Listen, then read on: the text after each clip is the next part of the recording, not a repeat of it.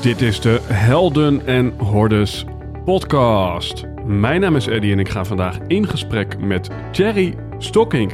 In de zomer van 2016 ontdekten we dat we een schakel waren in een netwerk van mensen die wij Conscious Business Founders zijn gaan noemen.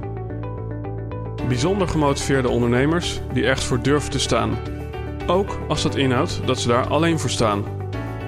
Die 200% toewijding willen geven voor 1% groei en zeggen: Dit ben ik en dit is mijn bijdrage aan een meer gebalanceerde wereld. Helaas kon je niet bij al deze gesprekken aanwezig zijn. Daarom hebben we die bijzondere verhalen voor je samengebracht in deze podcast. We wensen je veel luisterplezier, maar belangrijker nog, we hopen dat jij de volgende stap gaat zetten in jouw avontuur.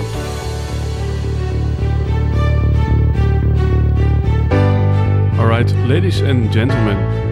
Ik ga zo direct in gesprek met Jerry Stocking. Maar niet voordat ik jou een vraag heb gesteld. En die vraag is: zien wij elkaar op 21 april? En met wij bedoel ik Richard de Let en ik. Want we geven dan een live show, een live podcast met als titel Zielsgelukkig maakt kerngezond. Het is een plek waar je niet alleen leert waarom je liever naar kattenfilmpjes kijkt dan dat je een goed boek leest. En waar je niet alleen leert waarom je steeds meer bij elkaar verzamelt, terwijl minder je eigenlijk gelukkig maakt. En last but not least, waarin je niet alleen leert waarom je je auto meteen naar de keuring brengt als er iets begint te piepen, maar dat je zelf niet met datzelfde tempo naar de dokter gaat of naar een holistisch arts. Nou, naast dat het een plek is waar je dus dingen kunt leren, is het wellicht een plek waar je kunt verbinden met like-minded people. Want het mag weer. Uh, het mag alleen niet als de tickets al verkocht zijn. En ik hou niet van al die standaard op is op praatjes. Maar ik geloof wel dat als Richard zijn netwerk samenkomt met het netwerk van Helden en Hordes en het netwerk van de Nederlandse Bibliotheek, dat het wel eens heel hard kan gaan met de tickets. Ik weet eerlijk gezegd niet hoeveel er zijn. Misschien 100, 200 stoelen. I don't know. Maar het zou hartstikke leuk zijn om ons daar te ontmoeten, wellicht voor jou en voor ons andersom. En wellicht ontmoet je ook andere mensen uit de podcast die een keer hebben deelgenomen. Dus volgens mij een heel leuk avondje uit. Volgens mij zelfs inclusief een drankje. Wil je nou meer hierover weten? Check dan eventjes de link in de show notes van deze podcast. En luister je deze podcast als het event al is geweest, dan vind je vast en zeker de aflevering terug in het rijtje. En dan is het nu tijd om tijd te maken voor Thierry Stocking. Hij is een succesvolle ondernemer met meerdere bedrijven, vastgoedinvesteerder, finance influencer, een echtgenoot en vader van drie kinderen. In 2009 werd zijn missie om ondernemers te helpen bij het investeren in vastgoed zodat ze meer tijd vrij kunnen maken voor de dingen die er echt toe doen in het leven. Met Thierry nemen we door waar die hoge mate van levensenergie vandaan komt, om op elk vlak in het leven te kunnen groeien, door de pijn heen, in zijn woorden. Hij deelt zijn reis, hoe hij van onvoldoendes in het leven wist om te buigen naar voldoendes, op alle vlakken van het leven. Ja, een persoon die letterlijk en figuurlijk hoog overvliegt. Je hoort het allemaal in deze aflevering met Thierry Stocking. Alright, ladies and gentlemen, dit is de Helden en Hordes podcast en wij zitten hier vandaag met Thierry Stocking. Yes. Welkom aan boord. Uh, we zouden er een energie, energieke podcast van maken, dus dat gaan we dan maar doen. Um, en ik ga gewoon aan op jouw uh, energie, want je bent je omgeving. Dat is meteen een, een mooie tip voor de luisteraar. Ik kwam jou tegen op een feestje waar ik verder niet op inga. um, en toen was een van mijn eerste opmerkingen naar jou: wat ben je een rare gast? ja. En dan is er zoiets als je, wat je zegt bij jezelf. Um, ik kon jou niet helemaal plaatsen. En uh, dat zat hem in je, in je voorkomen, met het verhaal erbij. Volgens mij kon je, kon je, mij ook niet helemaal plaatsen. Volgens mij zei je nog dat, ik een, dat mijn huid er jong uitzag. Ja, we hadden, we hadden echt de meest... Nou ja, dat je er, ik, ik had je iets van 25 of zo, tussen 25 en 30 uh, geschat inderdaad. Maar ja, ik kende jou al wat mee, want uiteraard luister ik naar deze podcast. Kijk eens aan. Dus dat was grappig. En um, nou ja, misschien een kleine uitdrijf voor de luisteraar, want ja, volgens mij ben jij iemand die in de tijd van huizen die steeds duurder worden er nog redelijk bij zit. Dus misschien ja, dat je een kleine outline kan geven van ja, misschien jouw bezittingen, uh, jouw situatie, jouw ondernemerschap, jouw relatie. Dus misschien kunnen we daar even starten. Ja. Ja, ik ben uh, 37 en uh, getrouwd met Desiree. Uh, we zijn nu iets van 19 jaar samen. Dus echt al op 18 en 16 jaar geleefd bij elkaar. Dat is al vrij uniek. Ja. Als ik kijk naar al mijn vrienden die jong bij elkaar zijn gekomen, is het allemaal wel uit elkaar gevallen. Mm -hmm. um, ook op mijn 25ste vader geworden. Dus dat was ook wel een uitdagende tijd. Daarna hebben we nog twee kids gekregen. Dus een gezin met, met drie kids. En uh, ja, heel lang uh, de beslissing uitgesteld om uh, te gaan, gaan ondernemen. Eerst freelancer geworden. En zo'n drieënhalf jaar geleden ben ik eigenlijk echt volledig voor mezelf gegaan. Ook geen freelance werk meer. En nu ben ik bezig om het derde bedrijf op te starten.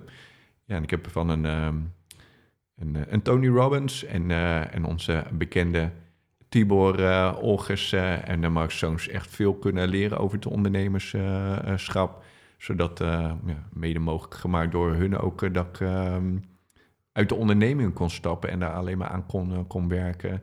En lekker aan, aan, mijn hobby's kon gaan werken. Ja, want je, je noemt ook net eventjes, daarvoor was ik freelancer en nu ben ik ondernemer. Kijk, de meeste mensen die noemen zich al ondernemer als ze naar de Kamer van Koophandel gaan. Um, ja, dus daar maak je meteen al een knip. Dus dat vind ik meteen een interessante vraag. Wat, wat, wat is voor jou het verschil tussen die twee? Ja, ik merkte, en dat kan dus verschillen voor, eh, voor anderen, maar bij mij, eh, voor mij was het uh, freelance werk voor één opdrachtgever werken, 100% uh, meerdere jaren lang. Wat eigenlijk, ja, de Belastingdienst vindt daar eigenlijk ook wat van. Maar we hebben een behoorlijk personeelstekort, waardoor ze dat los hebben gelaten. Um, ja, vind ik het dus weinig verschil hebben met uh, het in loondienst uh, zijn bij een uh, bepaalde opdrachtgever. zo voelde het in ieder geval voor mij. En, en ja, als, als ondernemer dat je echt je eigen klanten moet gaan, gaan werven. Ehm, ik vind er toch wel veel, veel verschil in, in verantwoordelijkheid zitten. Ja. En dan heeft Tibor ook wel eens gezegd, als we die naam toch noemen, van als je voor jezelf werkt zonder personeel, dan ben je eigenlijk een vrijwilliger. dus uh, dan zijn we er ook nog niet blijkbaar. Dus voor jezelf werken, voor je eigen klanten is ook nog geen ondernemerschap. Of denk je daar anders over? Ja, het, voelde in ieder geval voor mij uh, toen ik in mijn eentje was als een, een, een loonslaaf zijn. Alleen dan uh, niet bij jou uh, in opdracht, maar dan bij mezelf in opdracht. Ja, dus ja. voelde als loonslaaf van mezelf zijn. Ja. dus dus ja, het is wel de eerste stap van het ondernemerschap. Ehm, maar als ik het nu vergelijk, uh, dan uh, ja, was ik echt nog, nog lang niet naar het, het, het ondernemerschap wat ik nu voel. Ja. Nee, dus eigenlijk een loons, in loondienstige zonder de voordelen van loondienst, namelijk je vakantiedagen, je ziektedagen enzovoort. Ja, en als je, daar, als je dat dan de rest van je leven doet, ja, ik vind dat dus zonde. Ja, en hoe lang, uh, dus voor dat 3,5 jaar ondernemerschap, uh, heb je een freelance functie uh, bedekt? Hoe, hoe, lang was dat? Ook wel iets van drie, vier jaar. Ja, ja. ja dus en, en, en, daarvoor was je, was je loondienst? Was ik in loondienst, ja. En wat deed je toen dan? hypotheekadviseur. Ja, ja dan, de appel valt niet ver van de boom. Want het verhaal wat het meest de ronde gaat over jou is natuurlijk het verhaal van uh, binnen vier maanden twaalf pandjes regelen. Misschien is het goed om, uh, ja, uh, wat zeggen ze nou? never change a winning team of een, een hitje moet je, moet je blijven draaien. Misschien is het goed dat je even kort vertelt wat je daar hebt gedaan. Mm -hmm. En, en ja, wat daar het resultaat van was. Want vanuit daar zijn er een heleboel ingangen om dit gesprek kleur te geven. Ja, ja. ik zal een lange intro doen, want dan hebben we heel veel invalshoeken. Het begon bij, um, uh, om, ook maar kwetsbaar uh, op te stellen, dat, dat ik keek naar mijn leven en dat ik dacht van, uh, fuck, ik heb een aantal dingen niet, niet goed op orde. En het belangrijkste, waar ik nu nog steeds, um, ja, vind ik nog steeds het belangrijkste aandachtspunt in mijn leven, is de relatie met mijn vrouw. Ik vind het heel makkelijk om drie kinderen te hebben en drie ondernemingen en 25 dieren en, en, en mijn hobby's onderhouden en studeren. Uh, maar uh, een, een, relatie met, met, met een vrouw, vind, met mijn vrouw, vind ik, daar moet ik echt hard, hard voor, voor, voor werken. komt gewoon omdat ik ehm, ja, daar veel in te, te leren heb, om maar zo te zeggen, ook voor mezelf. Ik merk dat ik ehm, vaak dingen verkeerd doe. Ehm, dus dat is interessant. Dat is mijn ontwikkelingspunt waar ik de focus op leg nog steeds dagelijks. Um, ja, en in, in onze relatietherapie had ik zoiets van, eh, joh, we hebben drie kinderen. Ik, eh, ik, ik zal er alles voor, eh, voor doen om het te laten slagen. En mensen zeggen wel eens, joh, ik heb er alles aan ge- gedaan. Dat, dat, is, dat is echt heel erg veel. ik, ik dacht, ehm, ik ga keihard aan mezelf werken. Want als ik nu zo kijk naar de afgelopen jaren, dan kan ik niet zeggen dat ik dat al tien jaar doe, bij wijze van spreken. Toen eh, ben ik gaan googlen van nou, wie is de beste in ehm, persoonlijke ontwikkeling. En dan kom je uit eh, vaak bij eh, Tony Robbins. Dus die ben ik gaan volgen. Toen zei ik tegen mijn vrouw en de relatietherapeuten van... ik zou wel heel graag naar Tony Robbins willen. En toen zeiden zij allebei, lijkt me geen goed plan. toen dacht ik, ja, dan ga ik weer luisteren naar mensen. Ga ik veilige shit op, opzoeken. Ik was er zo klaar mee, want elke keer zelfde input, zelfde resultaat. Ehm, dit soort dingen heb ik nog nooit gedaan. Ik zei, ehm, jammer dan. Ik, eh, als, als we zo door blijven gaan, dan gaat het gewoon fout. Dus ehm, ik heb besloten dat ik ga, dan maar zonder toestemming van, van jullie. Dus en nou, dat was wel best wel impactvol, want dan ga je dus vijf dagen naar Londen. Ja, dat is eigenlijk de, de eerste sessie, de laagste, om maar zo te zeggen, de instapversie bij Tony Robbins, Unleash the Power Within. Ehm, ja, dan laat je je vrouw eh, achter met, eh, met drie kids, terwijl ze net niet, eh, niet wil. Ik heb wel gezegd van, joh, laten we veel, veel bellen. En dan kan ik mijn inzichten met je, met je delen.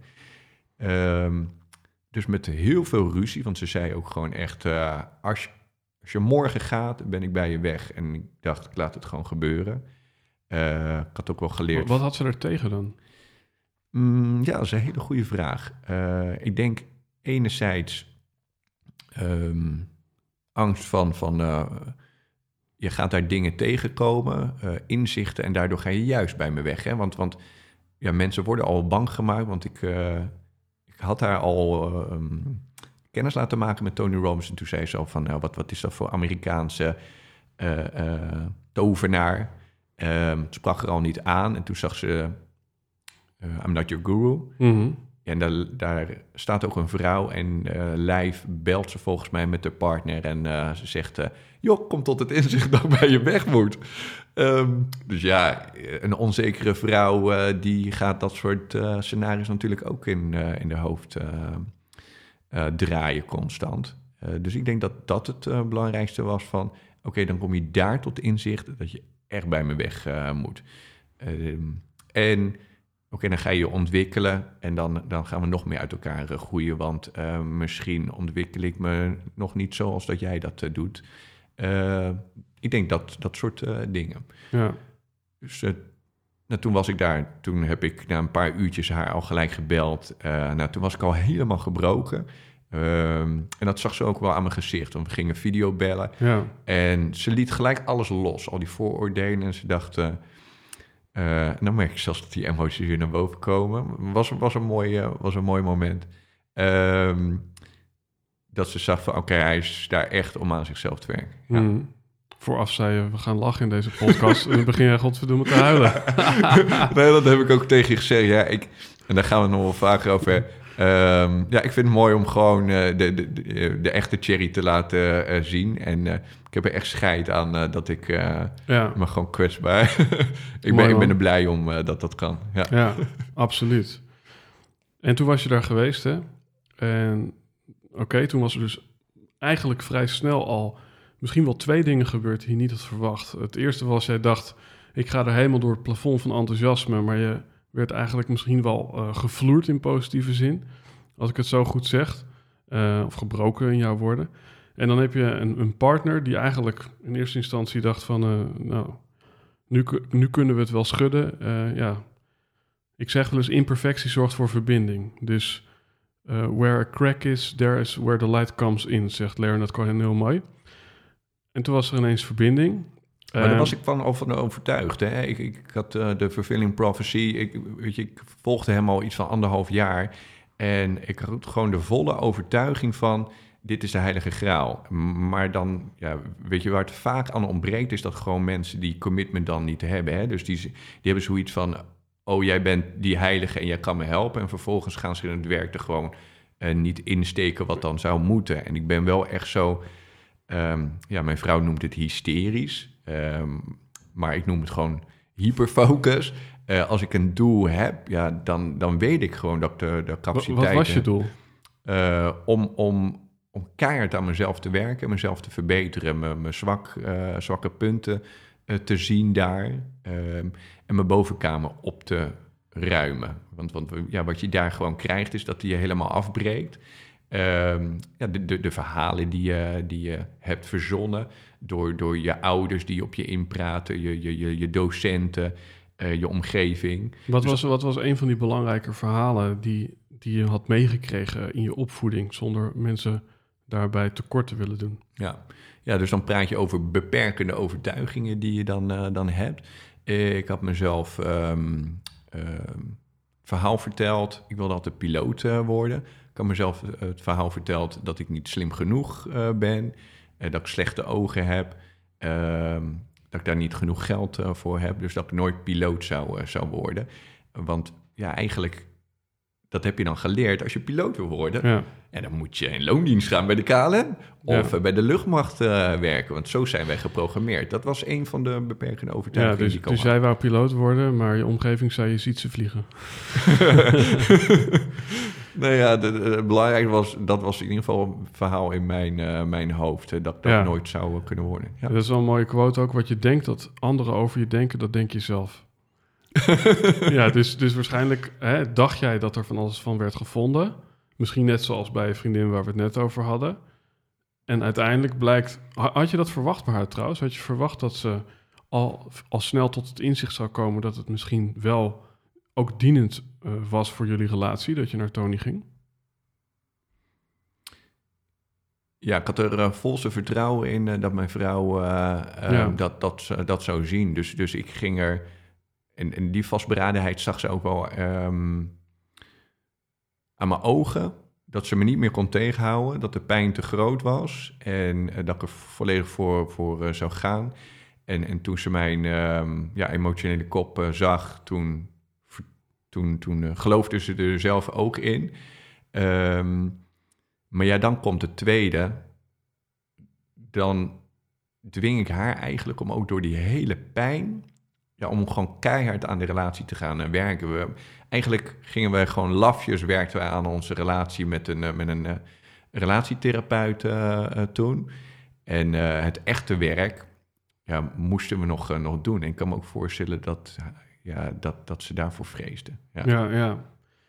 Als we even iets verder in de tijdlijn gaan, hè, want ik begon mijn vraag met uh, twaalf pandjes in vier maanden. Um, hè, want uh, Tibor zegt dan ook wel eens, als je één ding doet, uh, doe je alles. En jij bent, hè, die naam wordt nu veel genoemd, maar jij bent ook een beetje ja, het schoolvoorbeeld van, van de gilde die we Tibor Orgos noemen. Ik denk dat hij heel trots is op wat hij met jou heeft bereikt. En jij bent trots Zeker. op wat je met hem hebt bereikt. Zeker. En um, nou, dan heeft dat uh, ertoe geresulteerd dat je misschien in, in eerste instantie dingen in jezelf ontdekte. Daarna kwam je uit bij dingen van de relatie.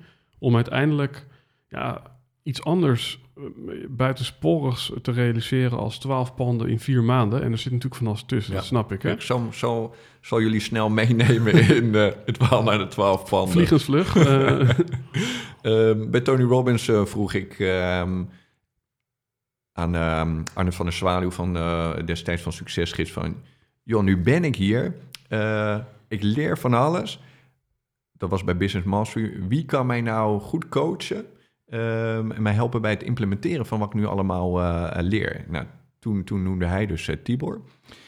toen kwam ik bij hem thuis, slash kantoor, samen met, met Desiree, mijn vrouw... Nou, toen gooide ik al mijn shit op, op tafel. Uh, en een daarvan was uh, dat ik een, uh, een ondernemer was die niet goed met geld kon, kon omgaan. Want ik, ik investeerde heel erg veel. Nou, logischerwijs, als je begint ondernemer bent in vaak verkeerde dingen. Ehm, dus, dus ons spaargeld ging keihard aan. Ik factureerde niet, uh, niet goed. In ieder geval hadden we een schuld opgebouwd in plaats van dat we er beter op waren geworden. Dus met die shit moest ik naar Tibor toe. Plus dat mijn relatie gewoon uh, super kut was.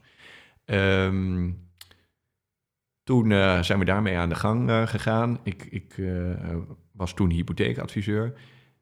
Samen met Tibor hebben we een product-ecosysteem gemaakt. Dus, dus ehm, ja, hoe je klanten kan, kan werven en hoe je kan zorgen dat, dat, dat je gewoon fans creëert in plaats van alleen maar klanten hebt.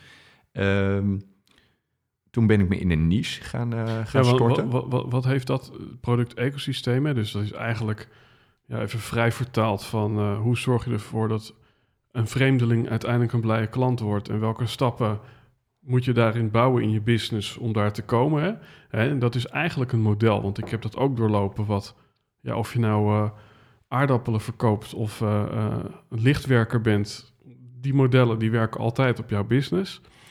Maar, maar daar heb je hem ook in geholpen, als ik het goed begrijp. Of dat hebben jullie samen opgezet? Of heb je dat opgezet voor jouw business? Nee, Tibor die heeft mij eh, geholpen om dat op te zetten. ja, ja, ja. Oké, go on. Um, dus ja, dan, dan liggen het principe vanuit uh, van, van uh, Tibor en van Tony zorgen dat je altijd eerst geeft, wederkerigheid opbouwt bij, bij het publiek. Um, geleerd hoe ik ja, kan produceren, muziek kan maken voor wel de juiste doelgroep. Dus we zijn gaan kijken van oké, welke doelgroep zou je idealiter willen eh, helpen. Ehm, nee, ik ben me toen gaan, gaan storten in, in de niche, in de, in de vastgoedmarkt. Hmm. Eh, het liefst succesvolle ondernemers eh, helpen. Ehm, toen ben ik gaan produceren. Ja. Ik ben video's gaan maken waarin ik mijn zoektocht, want ik hielp mensen bij het financieren van, van vastgoed, maar ik had nooit echt de ervaringsdeskundige gesproken ja, langdurig, hoe ze nou al die strategieën hadden toegepast.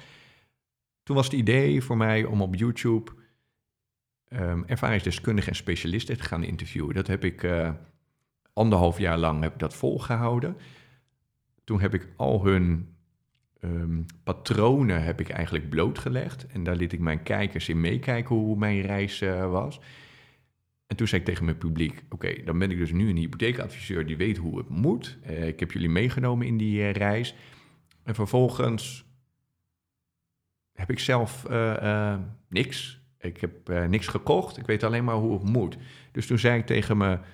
Ja, ik had een Facebookgroep met 6000 beginnende en ervaren vastgoedbeleggers. Ik zei tegen hun: hoe gaaf is het als um, ik mijn eerste woning ga kopen en dat jullie dan kunnen zien wat al mijn eh, leermomenten zijn, mijn faalmomenten en zo. Uh, uh, gewoon het echte verhaal van wat er allemaal kut gaat en zo. Wat, denk je, als ik je even onderbreek, dat, je, dat, dat de reden was, waarschijnlijk heb je er gewoon een antwoord op, dat, dat er 6000 mensen in die groep zaten. Hè? Dat is net zoiets als dat ik ja, naar een webinar ga over een budgetcoach die zelf geen budget heeft. Of naar een fietsenmaker die zelf met de auto gaat.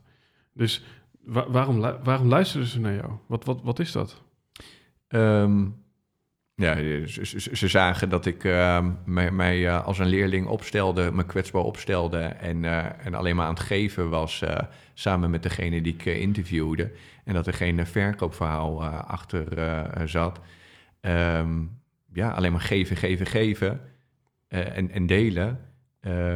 Ja, en dat sprak mensen aan, het echte verhaal. En gewoon zeggen van, joh, ik sta ook maar hier bij stap 1 en ik wil het gewoon gaan leren.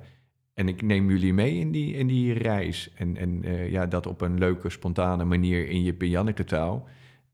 want ja, ik, ik, deed gewoon precies tegenovergestelde van de gevestigde orde. Overal waar ik een schurft hekel aan heb bij financieel adviseurs... dat, dat, ja, daar probeer ik bij weg te blijven. En dat, eh, dat heb ik ook zo in die podcast uh, zo opgenomen.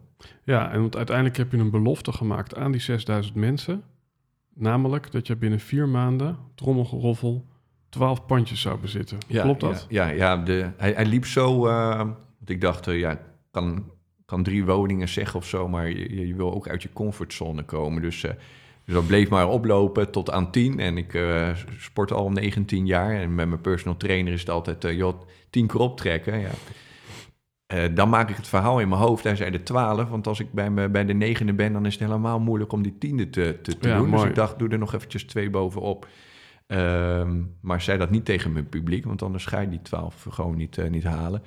Maar ik dacht alleen maar, weet je hoe fucking trots ik op mezelf ben als ik die stappen zet en er Ja. dan drie koop. Dat is ook wel prima. Ja, maar je had eh, hè, om, de belofte en daarmee je autoriteit naar het publiek toe te verwittigen, had je ook kunnen zeggen in je hoofd 15 pandjes. Zodat- je bij hun eh, uitkomt op 12.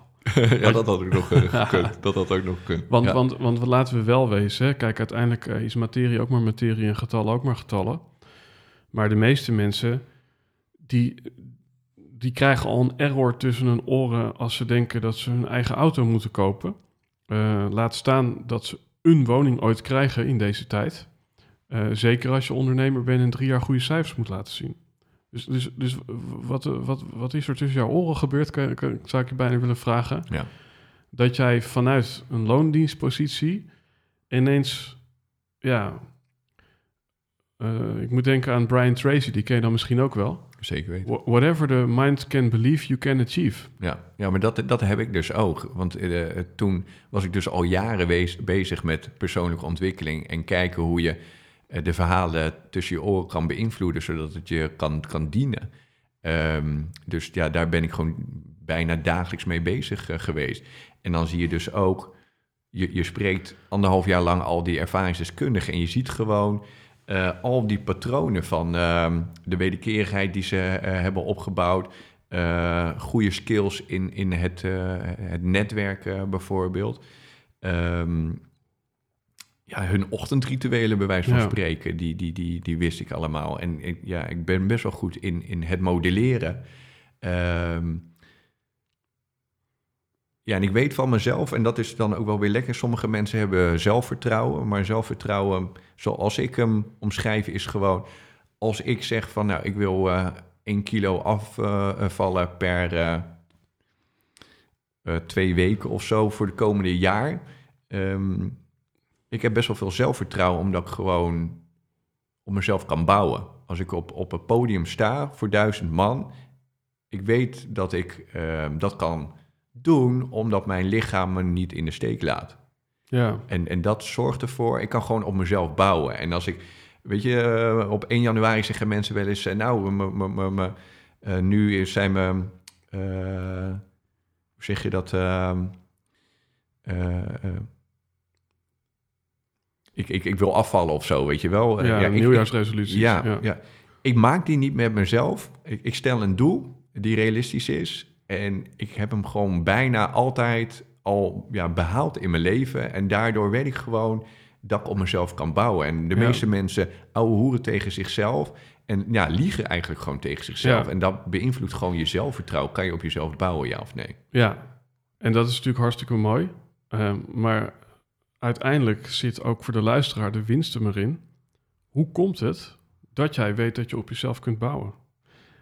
Heb je daar, heb je daar, heb, heb- je daar een idee bij? Ja, als want, want daar hadden we het eh, over in de voorbespreking van ehm, laten we het ook over die kernwaardes eh, eh, hebben. Nou, een van de belangrijkste, en die vraag ik ook als ik ehm, nieuwe collega's werf, joh, wat zijn je kernwaardes? En eh, ja, een belangrijke voor mij die resoneert is eh, afspraak is afspraak. Eh, die, die heb ik dus ook met collega's, die heb ik met klanten en die heb ik dus ook met mezelf. Ehm, dus dus de, als ik mijn afspraken niet, niet hou met mezelf, dan, dan breekt er iets eh, in mij. Mhm. Daar komt het eigenlijk wel opnieuw. Ja. Ja. En hoe, eh, het gesprek gaat in zekere zin alle kanten op, maar ik denk dat het, nee, maar in positieve zin. Ik denk dat er gewoon heel veel aftakkingen zijn. Ja. Want wat ik je dan eventjes ja, tussendoor zou willen vragen is, ja, hoe kom je dan weer aan die kernwaarden? hoe, Ja. hoe weet je wat die zijn? Ja. Ja, op intuïtie. eh, waar, waar stoor je aan in het leven? Waar ga je op aan in het, eh, in het leven? En eh, ik merk dat ik graag omga met mensen die, die ehm, het belangrijk vinden dat wat, wat ze zeggen, dat ze dat ook, ook doen. Practice what you preach. Ja, ja da- daar. Is dat, is dat een van de drie kernwaarden? En welke, of zijn het er drie? Misschien zijn het er wel tien. Ja, het, het is eh, afspraak is afspraak. Inderdaad, eh, ik, ik ga aan op mensen die, wanneer ze iets zeggen, dat ze daar ook naar, naar leven. Ehm, ik ga ook aan op transparantie. Nou, dat, dat hoort er eigenlijk ook eh, bij. Van ja, laat dan maar eens zien ehm, dat, dat, er, dat er geen façade hoog eh, eh, gehouden wordt. Ja, ehm, ja, dat, dat zijn wel belangrijke dingen waar ik naar leef. Ja, want hier hebben we het in het voorgesprek ook over gehad. Jij en ik zijn, in, in hoeverre ik, ik daar uh, kijk op heb, allebei gevoelsmannen uh, die een hoge mate van kwetsbaarheid durven te laten zien. Ik heb er een keer uh, gezeten met Sander Aarts en toen hadden we het over ja, de power of vulnerability. En dat er uit de mond van Tibor vaak het woord weerbaarheid klinkt. En um, nou, kwetsbaarheid, daar hebben we het dan nu over. Hè. Laat maar gewoon zien dat je relatie kloten is, bijvoorbeeld.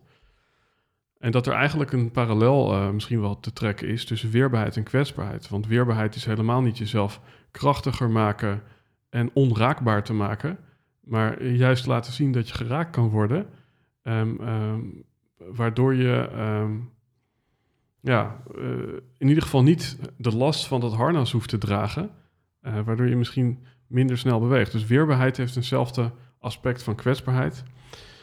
Ik ga daardoor lichter door het leven, doordat ik uh, dat masker uh, zo min mogelijk draag, om maar zo te zeggen. Natuurlijk, iedereen draagt wel zo'n masker om zichzelf te beschermen, om zo te zeggen. Maar ik loop er zo min mogelijk mee, althans dat probeer ik. maar daardoor, doordat ik vertel van, joh, dit zijn de struggles in mijn leven, zeg ik daar eigenlijk ook bij van, um, ja, ik sta open voor hulp, weet je wel. Doordat ik dat zo aangaf bij Tibor, dit is een issue al 19 jaar met mijn vrouw, zei hij van, nou, uh, joh, uh, Ellen Ruiter uh, is, of Ellen van Vliet, sorry, is, is dan de juiste persoon om je daarbij te helpen. Weet je, dan word je, dan word je ook weer ja, geholpen. Ja. Het grappige is, hè, net beschreef je die situatie op het podium van mijn lichaam laat mij niet in de steek. Als ik zo vrij mag zijn, je mind ook niet. Hè, want daar begint het misschien. Misschien is het zo dat je lichaam je af en toe in de steek laat. Hè? Want je hebt ook wel eens beschreven dat je wel eens flauw valt of bent gevallen uh, toen je jonge vader was. Maar toch is die mind er die zegt, nou ja, dat kan ik wel dragen en op een gegeven moment sta ik wel voorop. Hè? Dus dan hebben we het gehad over uh, uh, dat lichaam en die mind die niet in de steek laat. Dus eigenlijk dat je dus constant een beroep kunt doen op jezelf om de afspraken of de doelen die je met jezelf hebt gesteld na te kunnen komen wat ik interessant vind als ik een profiel uh, van jou zou maken op dit moment, is dat een heleboel dingen die je beschrijft uh, niet zozeer gaan over op jezelf kunnen bouwen, maar ook voornamelijk op het bouwen op een ander. Um, want of het nou is, uh, ik ben in samenwerking met Tibor tot ja, wat inzichten gekomen rondom mezelf, of met Ellen over mijn relatie, of met het kopen van twaalf pandjes wat je niet had kunnen doen zonder de hulp of insteek van investeerders, dan denk ik van de magie die ik bij jou voel, die velen niet hebben, dat, is, dat jij volgens mij heer en meester bent op het vlak van delegeren en het uitzoeken van de juiste mensen voor de juiste taken. En misschien kan je hem daar zelf even oppakken. Ja, ja de conclusie die ik trok in ons vorige gesprek is um, uh, dat kennelijk goed naar mijn intuïtie kan, eh, kan luisteren. En, en uh, dat, dat zie je ook in ons uh, team van, van hypotheekadviseurs. Gelukkig hoef ik zelf heel veel uitvoerend werk niet meer te doen. Is dat, ik elke keer de juiste persoon op de juiste plek naar me, ja, aan me, aan me trek, aan me te binden, om het zo te zeggen. Selecteer. Um, ja, en ook met coaches. Um, want want ja, Tibor en Ellen zijn echt toppers en die hebben dat vlieg wel, uh, wel, wel uh, ja, verder weten te bewegen, om zo wat, te wat, zeggen. Wat ja. een mooie term is als je, als je kinderdroom eh, vliegen is. dat dat vliegwiel in ieder geval in beweging is gebracht. Ja. Um, ja, ook nog eventjes interessant vind ik die kwetsbaarheid. of die ook wel eens parten speelt, maar dan de andere kant op. want wij hebben ook wel eens gezegd van... ja, wat vinden onze partners eigenlijk van dat we altijd zo open zijn? Dus is, is, is die, die openheid, of die kwetsbaarheid, zo je wil, is die altijd dienend voor jou? Of zit die ook wel eens in de weg? Nee, tot, tot nu toe uh, heb ik daar nog geen last van gehad. Toen, toen bij, uh, want mijn intentie was, joh, ik, ik wil uh, wat delen met mijn publiek. dus um, heel impulsief had ik de Facebook Live aangezet. En toen uh, zei ik van, uh, joh, uh, gasten, jullie mogen me accountable houden, voel ik lekker veel druk. Ik ga twaalf woningen kopen in vier maanden en jullie mogen me eraan houden. nou, er was ook een negatieve link die zei, is goed, Als je het niet haalt, dan verwacht ik dat je deze hele Facebookgroep opheft en bla bla bla. Nou, dan kreeg ik alleen maar nog meer energie van ik wil. Ehm, dat deed ik boven in de slaapkamer, dat opnemen van het videootje. Toen liep naar beneden en toen zei mijn vrouw... wat de fuck heb jij nou gedaan? Je hebt niet eens met mij overlegd dat we deze woningen gaan kopen niet, niet, niet eens één laat staan twaalf. Dus toen, toen had ik gelijk ruzie. Dus dus vanuit de kwetsbaarheid van, joh, ik wil iets met jullie delen, mijn, mijn reis. En ik heb een doel gesteld. Jullie mogen me eraan houden en dan mogen jullie meekijken. Ja, dat heeft wel echt heel veel shit veroorzaakt. Ja, ja want, ik, want ik zit even te kijken, hè, want ik, ik hoor eigenlijk twee dingen. Enerzijds die kwetsbaarheid van, hè, je, je doet iets wat ook fout kan gaan. Uh, nou, dat is, een, dat is een mate van kwetsbaarheid. Uh, datzelfde zag ik ook bij Tony Robbins. Van, ik ga het doen, maar uh, jouw vrouw die dacht dat gaat misschien wel de relatie kosten. Dus er zit altijd een, een, een stukje van ja, die, die bereidwilligheid om te veranderen. Ja, die, die, die komt soms, die kan met een prijs komen. Laat, laten we daarop houden. Dat kan ook de hoofdprijs zijn in positief zin. Maar ik zit dan te kijken van, is het kwetsbaarheid? Of, en een heel ander woord, of is het mas masochisme? En daar bedoel ik mee van, bij Tony Robbins ga je over het vuur of over de hete kolen lopen, om, om, om, om bij jezelf naar binnen te kijken. Terwijl als je naar uh, kijkt, uh, twaalf pandjes en dat iemand dan zegt, en als je het niet haalt, dan moet je de groep sluiten, waarin ik ook hoor, jij gaat daarop aan. Dus, dus uh, um, misschien dat thema masochisme, dat, dat, hoe verhoud je daartoe? Ja. Ja, bij ons vorige gesprek had ik dat al aangegeven van... Ellen die zei tijdens een van de sessies... joh, ik, ik zie wel wat masochisme voorbij komen. Ehm, ja, het is een mix van erkenning ook, hè. laten zien van, joh, ik, ik ben er. Een stukje ego, stukje masochisme. Ehm, ja. Waarom denk je dat je die grenzen opzoekt? Want jij ja, dat zegt mijn vrouw. Ja, dat, ja, uh, ik ga aan op het woord uh, grens opzoeken. Want uh, dat zegt mijn vrouw altijd. Waarom, waarom doe je dat? Waarom ben je zo hysterisch? Hè? Want dat, zo, zo noemen ze dat dan. Want dat heb ik ook met mijn vliegbuffet bijvoorbeeld. Gaan we naar Aruba, gaan we lekker ontspannen. nou, echt een doorbraak voor mij is dat ik gewoon 2,5 week niet heb gewerkt. Dat heb ik nooit in mijn leven gedaan. Ook in loondienst ging ik gewoon af en toe weer werken tijdens vakantie. Um, maar dan toch ga ik weer om half zes elke dag mijn bed uit, drieënhalve week lang. bijna. Uh, ga ik studeren. Want ik moet en zou dat diploma halen. Ja. Want je moet ook je theorieën natuurlijk uh, doen. Nou, ik heb, ben niet zo goed in studeren, laten we daar maar op houden. Dus ik moet extra gas geven op, op studies. Mm -hmm. maar dan ben ik weer ja, gefocust op, op mijn doel halen. Is het, is het leven anders te saai? Um, weet ik niet. De, de, de, de, de grootste uitdaging toen, toen, toen die sessies had met, met Ellen was ook wel, die daar kwamen. Ga ontspannen, gast. En dat zei Tibor ook. Hij zei, joh, je bent een van de ja, weinige ondernemers die, die, die, zo extreem hard werkt nu niet meer hoor, maar ja, dat, dat, dat ik gewoon maar door, door bleef gaan.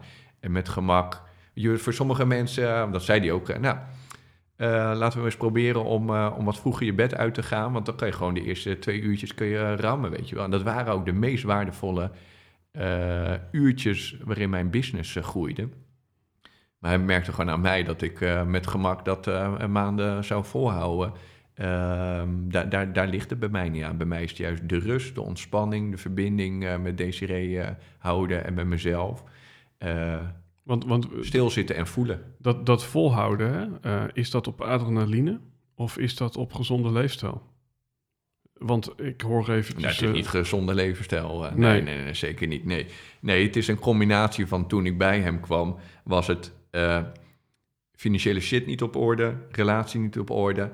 En um, fysiek ook niet op orde. Ik had, ik had wel, ging wel vijf dagen per week naar de sportschool gemiddeld. Maar mentaal, ja, ik kan me voorstellen, ik weet het niet meer goed, maar ik kan me voorstellen dat ik vrij moe was. Was, had dat een, ook een mentale component, dat sporten? Of was het alleen maar een lichamelijke ego-boost? Of, of hè, Ja, wat, dat sporten, dat, dat deed ik om te ontspannen. Eh, da- da- daarom eh, hield ik het ook wel weer vol, hè? ja. Dat, dat sporten, dat Want die uitdaging zit voor jou in die ontspanning en die rust. En dat is ook het ironische. Eh, ik heb dit nog nooit gehoord voor een podcast, maar eh, ik kan het dragen. Ja, Eddie, eh, bij eh, Ellen was ik uitgecheckt, want het was een beetje monotoom op een gegeven moment. eh, dus kunnen wij er een beetje power in gooien? Moet ook een beetje kunnen lachen. Nou, we lachen nu gelukkig. Ehm, ja, staat genoteerd, weet je. Volgens Ja. mij ben je ook iemand waar ik wat van kan leren. Ehm, of het nou op ondernemerschap is, of performance, wat dan ook. Maar omgedraaid zou het misschien wel een keer goed voor je zijn. Dat je gewoon even die hele zit bij Eddie uitzit, ook al is het een beetje monotoom. Of niet? Nou ja, als, als je mij... eh, ik, ik kan me voorstellen dat een van mijn grootste uitdagingen is... eh, als we samen naar de monniken gaan en eh, zeven dagen onze, onze bek houden. Dat, dat, dat soort dingen, zo'n stilte-retraite, dat, dat is goud voor, voor mij. Ja, Weet je, de, als, je, als je nu al kijkt naar mijn agenda, dat gemiddeld iets van 20 uur per week werk, dat, dat, dat, ja, dat, dat is voor mij echt sinds vorig jaar doe ik dat al. Ik houd het al anderhalf jaar lang vol. Dat is voor mij echt goud geweest. Eh, dus elke dag bedenk ik alleen maar wat is een goede hefboomtaak, waardoor mijn business alsnog eh, kan, kan groeien. Mhm. Eh, in plaats van alleen maar rennen, rennen, rennen in je bedrijf. Ehm, ja, en elke dag gewoon mijn gezin op nummer één eh, eh, zetten. ja. Ehm, Wa- Want wat, wat, wat maakt dan, hè? als je 20 uur werkt, dan ben ik gewoon even praktisch benieuwd, waar zitten die andere uren? die andere uren zitten in, ja, dan, dan is het mooi om, om mijn ochtendritueel eh, te, te, te delen. Eh, dat is niet eh, mediteren 's ochtends, heb ik wel geleerd, maar zover ben ik helaas nog, nog niet. Maar vanochtend wel gedaan, om negen uur met mijn vrouw samen een uur lang eh, yin-yoga. Mhm. Ehm, dat is voor mij al een doorbraak, om maar zo te zeggen. Maar 's ochtends geleide meditatie, daar begin ik wel mee. Ga ik de honden uitlaten en dan luister ik daarnaar. Ehm stuk dankbaarheid eh, voelen. Ehm, dan voor mijn gezin eh, zorgen, boterhammetjes maken, dat soort eh, dingen. We gaan 's ochtends eh, met z'n vijven naar school toe. Lukt niet altijd, maar meestal wel. Om er te laten zien van, ik ben er voor mijn gezin. Ik maak de tijd voor. Ik vind het ook ja, fijn. Ik, om- ik, va- om ik dat vang te- je meteen even. Ja? Ik, ben je coach niet, maar ik, ik vind het fantastisch alles wat je eh, me- Ja. met me deelt. Hè? Eh, het, het, het samencomponent, mijn woord voor dit jaar is samen. Ik heb ieder jaar één woord. Dus, dus ik, I hear you, I feel you. En tegelijkertijd hoor ik, dan gaan we met z'n vijven naar school, quote unquote, om te laten zien. Om te laten zien. Ja, ja dus, zeker. dus in hoeverre is dat ook weer iets vanuit het ego? Ja, het is, ehm, dat zei Tibor anderhalf jaar geleden of zo, een jaar geleden, nee, anderhalf jaar geleden, toen zei hij al van, ga, ga het maar oefenen, ga maar in je agenda zetten, Ehm, per kind tien minuutjes in de avond, eh, ga je doen wat je kind, eh, wat een van de kinderen willen. Nou, de een wil ehm, eh, een boekje lezen, de ander wil met Lego spelen. Maar, maar ga het maar doen, want want ik vertelde hem dat, dat ik met mijn hoofd constant maar toch aan het werk, met, met het werk bezig was. Dus ja, geforceerd ga je toch inplannen. En eh, langzamerhand merk ik gewoon dat, dat ik het ehm, vanuit intrinsieke motivatie ga doen. Dat ik gewoon merk van, ja, het is gewoon een kwestie van prioriteiten stellen in het leven. En ik heb, eh, eh, weet ik veel, 25 jaar lang heb ik mijn prioriteiten vaak niet goed eh, ge- gehad. Dus ja, laten zien aan, aan mijn gezin, niet laten zien aan De eh, wereld? eh, de wereld, maar aan mijn gezin. eh, van ik vind jullie het belangrijkste. En ja, dat gaat nog heel vaak geforceerd, omdat ik geprogrammeerd ben. Als je niet hard werkt, ben je niet goed genoeg. ja. Dus, dus ehm, en om hem af te maken, ehm, eh, daarna ga ik vaak sporten in de, in de ochtend. Dan heb ik twee belangrijke dingen gedaan. Voor mezelf gezorgd en voor mijn gezin ja, voor elkaar gezorgd, om het zo te zeggen. Daarna ga ik ehm, wat, wat, eh, wat werken en, eh, en eh, regelmatig vliegen als, als hobby. Ehm, en dan om twee uur halen we de kinderen weer uit, uit school.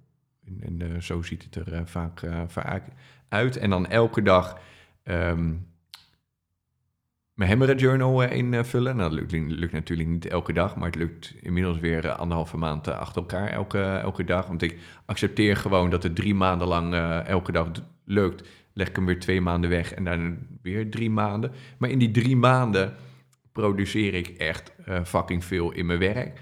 Uh, maar uh, ja, heb ik ook gewoon veel meer goede dagen, om maar zo te zeggen. Ja. En ja, die rapporteer ik aan, aan Mark Zoons. en en dat, is, dat is natuurlijk mooi. Hij zegt gewoon van alle gasten die ik, en ondernemers die ik ken... vind ik jou wel een uitermate goede accountability partner... om ehm, ja, mij ook wel aan, mijn, aan mijn dingen te houden, zegt Mark dan. Dus dat is een groot compliment, ja. Ik krijg zelf nog wel eens uh, van het uh, thuisfront terug spontaniteit. Daar zou je wat meer van je pakket mogen hebben. En um, ik hoor hier toch ook wel een geoliede machine. En, um, en daarom zeg ik ook soms na drie maanden uh, laat ik hem los. Ja. Dan, is de, dan, dan, dan ben ik er even klaar mee. En dan ga ik weer op meer spontaniteit. Maar ja, als het dient, dan... dan ja, maar, maar die spontaniteit, en ik heb geen idee, ik zit er ook als een gelukkige leerling als je tien minuten aan je kind geeft als zijnde het staat in mijn agenda, dus ik ga het doen. Voelt dat kind dat? Ja, dat was dus anderhalf jaar geleden. Hè? Toen, toen uh, moest het. En uh, nu niet meer. Ik heb ook tegen mijn kinderen gezegd van... Joh, het is papa-tijd en je mag het opeisen. Ja, en, en nu na, weet ik veel, anderhalf jaar dat we ermee bezig zijn... Het gaat zo natuurlijk en merk ik ook gewoon dat, dat het fijn vind om te doen. Maar ik had gewoon die die push nodig uh, om, om, om, om die bedrading uh, helemaal om te gooien. Omdat ik ja, elke keer maar uh, het verhaal tegen me zei van... ik ben niet goed genoeg als ik niet doorwerk of whatever. dus ja, dat da, da, da, moest gewoon geforceerd worden. Kan je zeggen dat je nu meer jezelf bent geworden of minder? Snap je wat ik bedoel? Ja, ja, ja de, de, de, de, de persoon die ik eigenlijk wilde zijn. Want ja, ik wil gewoon een lieve en goede vader uh, zijn. Maar ik had gewoon geen zin om daar de, de, de, de kutklusjes soms voor, uh, voor te doen. En, en weet je, eh, heel veel vaders vinden het heerlijk om uh, niet te werken en, en, en papa-dagen te hebben. Ja, daar moest ik heel erg aan, aan wennen. En dat heeft niks te maken met of ik uh, lieve, lieve kinderen heb, weet ik veel wat. Maar ja, ik was gewoon zo geprogrammeerd. Uh, eh, 70 eh, uur per week werken. Ja, dan kan je vol trots vertellen aan iedereen dat je goed genoeg bent. Want ja. Mm is, is het jouw bedrijven, in welke sector bevinden die zich allemaal?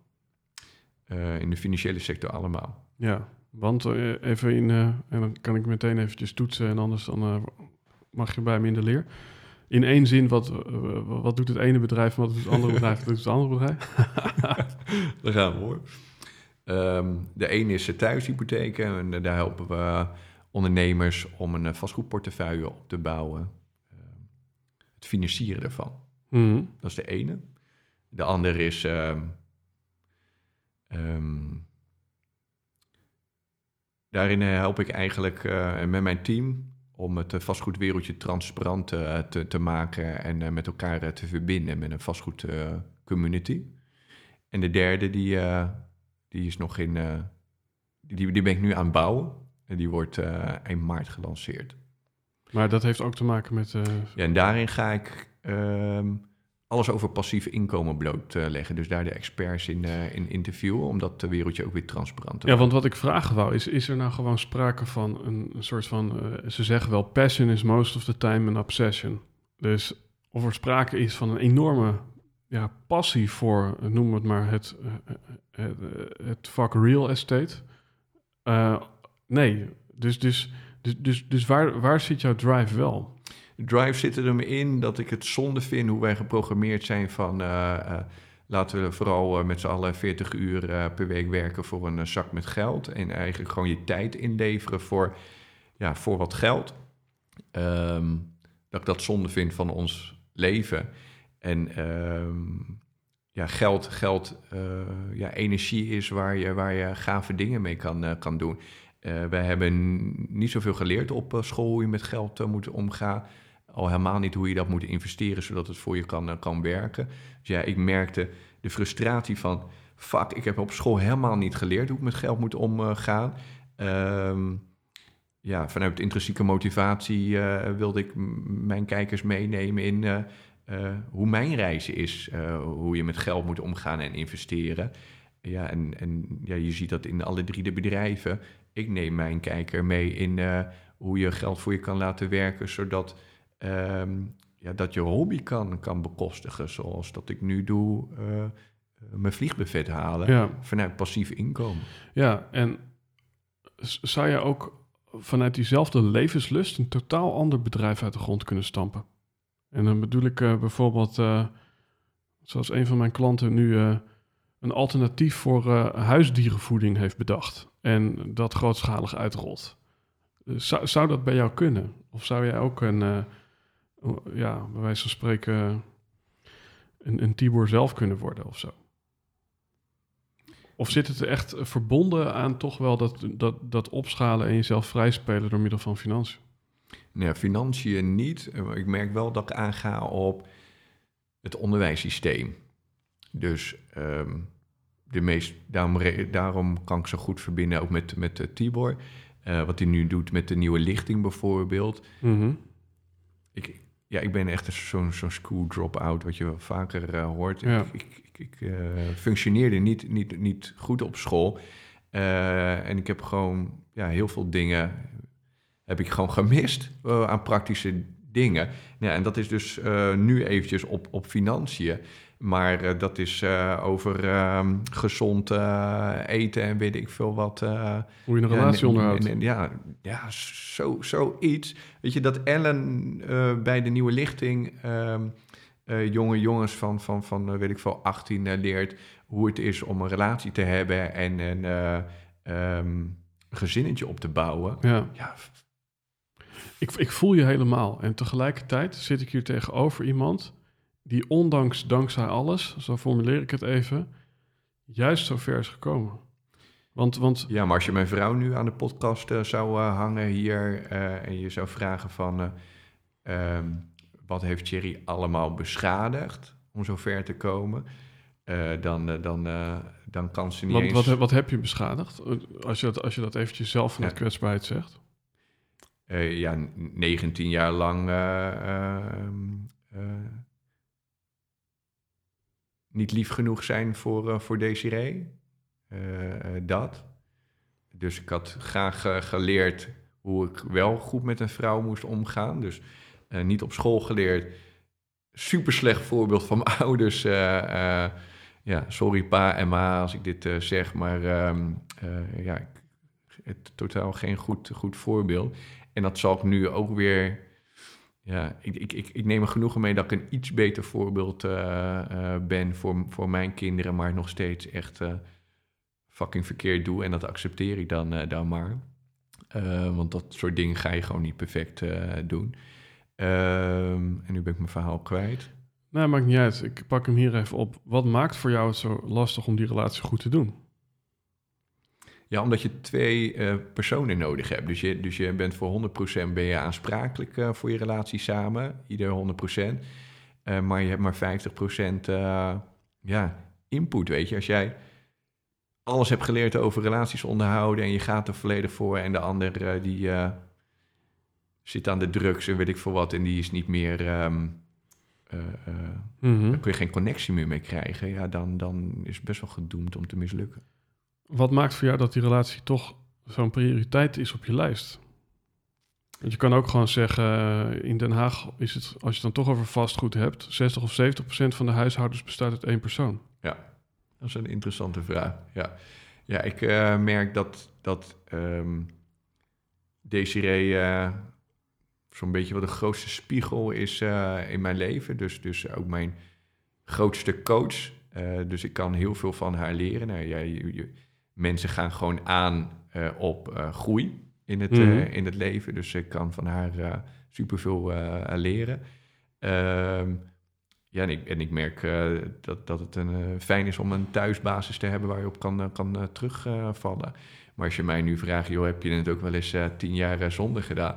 Nee, Ik Nee, weet niet nee. beter. Nee, op mijn achttiende was ik al met Desiree. Ja, Ben, ben jij snel eh, in de woorden van Guido Weijers uitverveeld? Zeker weten. Ja. En eh, er wordt wel eens gezegd, business is een intellectual sport. En er wordt ook wel eens gezegd, ondernemen is saai. Ben je het daarmee eens?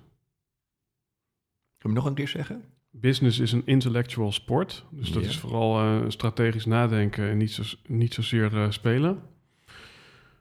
En ondernemen is saai. Dat heeft volgens mij Mark Zoon zelfs een keer gezegd. Ben Ja, ja. je het daarmee eens? Ondernemen is saai. Ehm, veel repeterende dingen. Eh, ja, ik kan me voorstellen dat voor- vooral als je beginnend eh, vastgoedbeleg, beginnend ondernemer bent, eh, dat het eh, saai is. Veel geduld. Ja, ik zie het ondernemen net zoals met, eh, met sporten. Hoeveel mensen vinden het saai om naar een sportschool te gaan, maandenlang in zo'n stom, eh, stomme apparaten te, te hangen en dan na vier maanden een klein beetje resulta resultaat te hebben. Ja, super saai. Ja, en- Mm. en zo zie ik ondernemen ook. eh, Ja, want, want hoe en daarom vraag ik het. Ik, ik creëer eerst een soort van eh valkuil en daarna laat ik je erin vallen. Want hoe verhoudt dat zich tot iemand die snel verveeld is? Ja. Want ik zou denken, eh, jij bent echt een soort van, wat is het, 12 wegen, 13 ongelukken? Ja, dan, dan het compenseert dus weer dat ik ehm, gemotiveerd ben om altijd een doel eh, eh, te halen. En ik ben blij dat ik al iets van 20 jaar naar sportschool ga. Eh, dat ik dus heb geleerd van eh, ehm, ja, maandenlang geen resultaat. En dan ben je eindelijk goed gespierd. Nou, kun je er even twee maanden van genieten. En dan flikkert het weer allemaal in elkaar. Kun je weer helemaal opnieuw beginnen. ja, ja. En dat heeft er wel voor gezorgd dat ik ja, ijzersterke doorzettingsvermogen en, en eh, ehm, ja, dat mijn mindset gewoon eh, goed, goed op orde is op dat eh, vlak. En daardoor eh, met het ondernemen ook is gelukt. Ja, want als jij inderdaad eh, snel uitgekeken bent of door wil ontwikkelen of groeien of vernieuwen, ehm, ja, misschien dat ik nu hele enge dingen zeg, maar waarom ben je dan nog steeds bij dezelfde vrouw? Ja, dat zeg ik te- tegen Desiree ook. eh. je, je ziet dat niet alles is... is ehm, eh, ik ben snel uitgekeken op, bepaalde dingen. ehm, maar je wilt toch een basis hebben. En die basis, eh, ja, die wil ik weer, eh, weer goed hebben. Ehm, ja, en ook wel heel erg gerealiseerd van...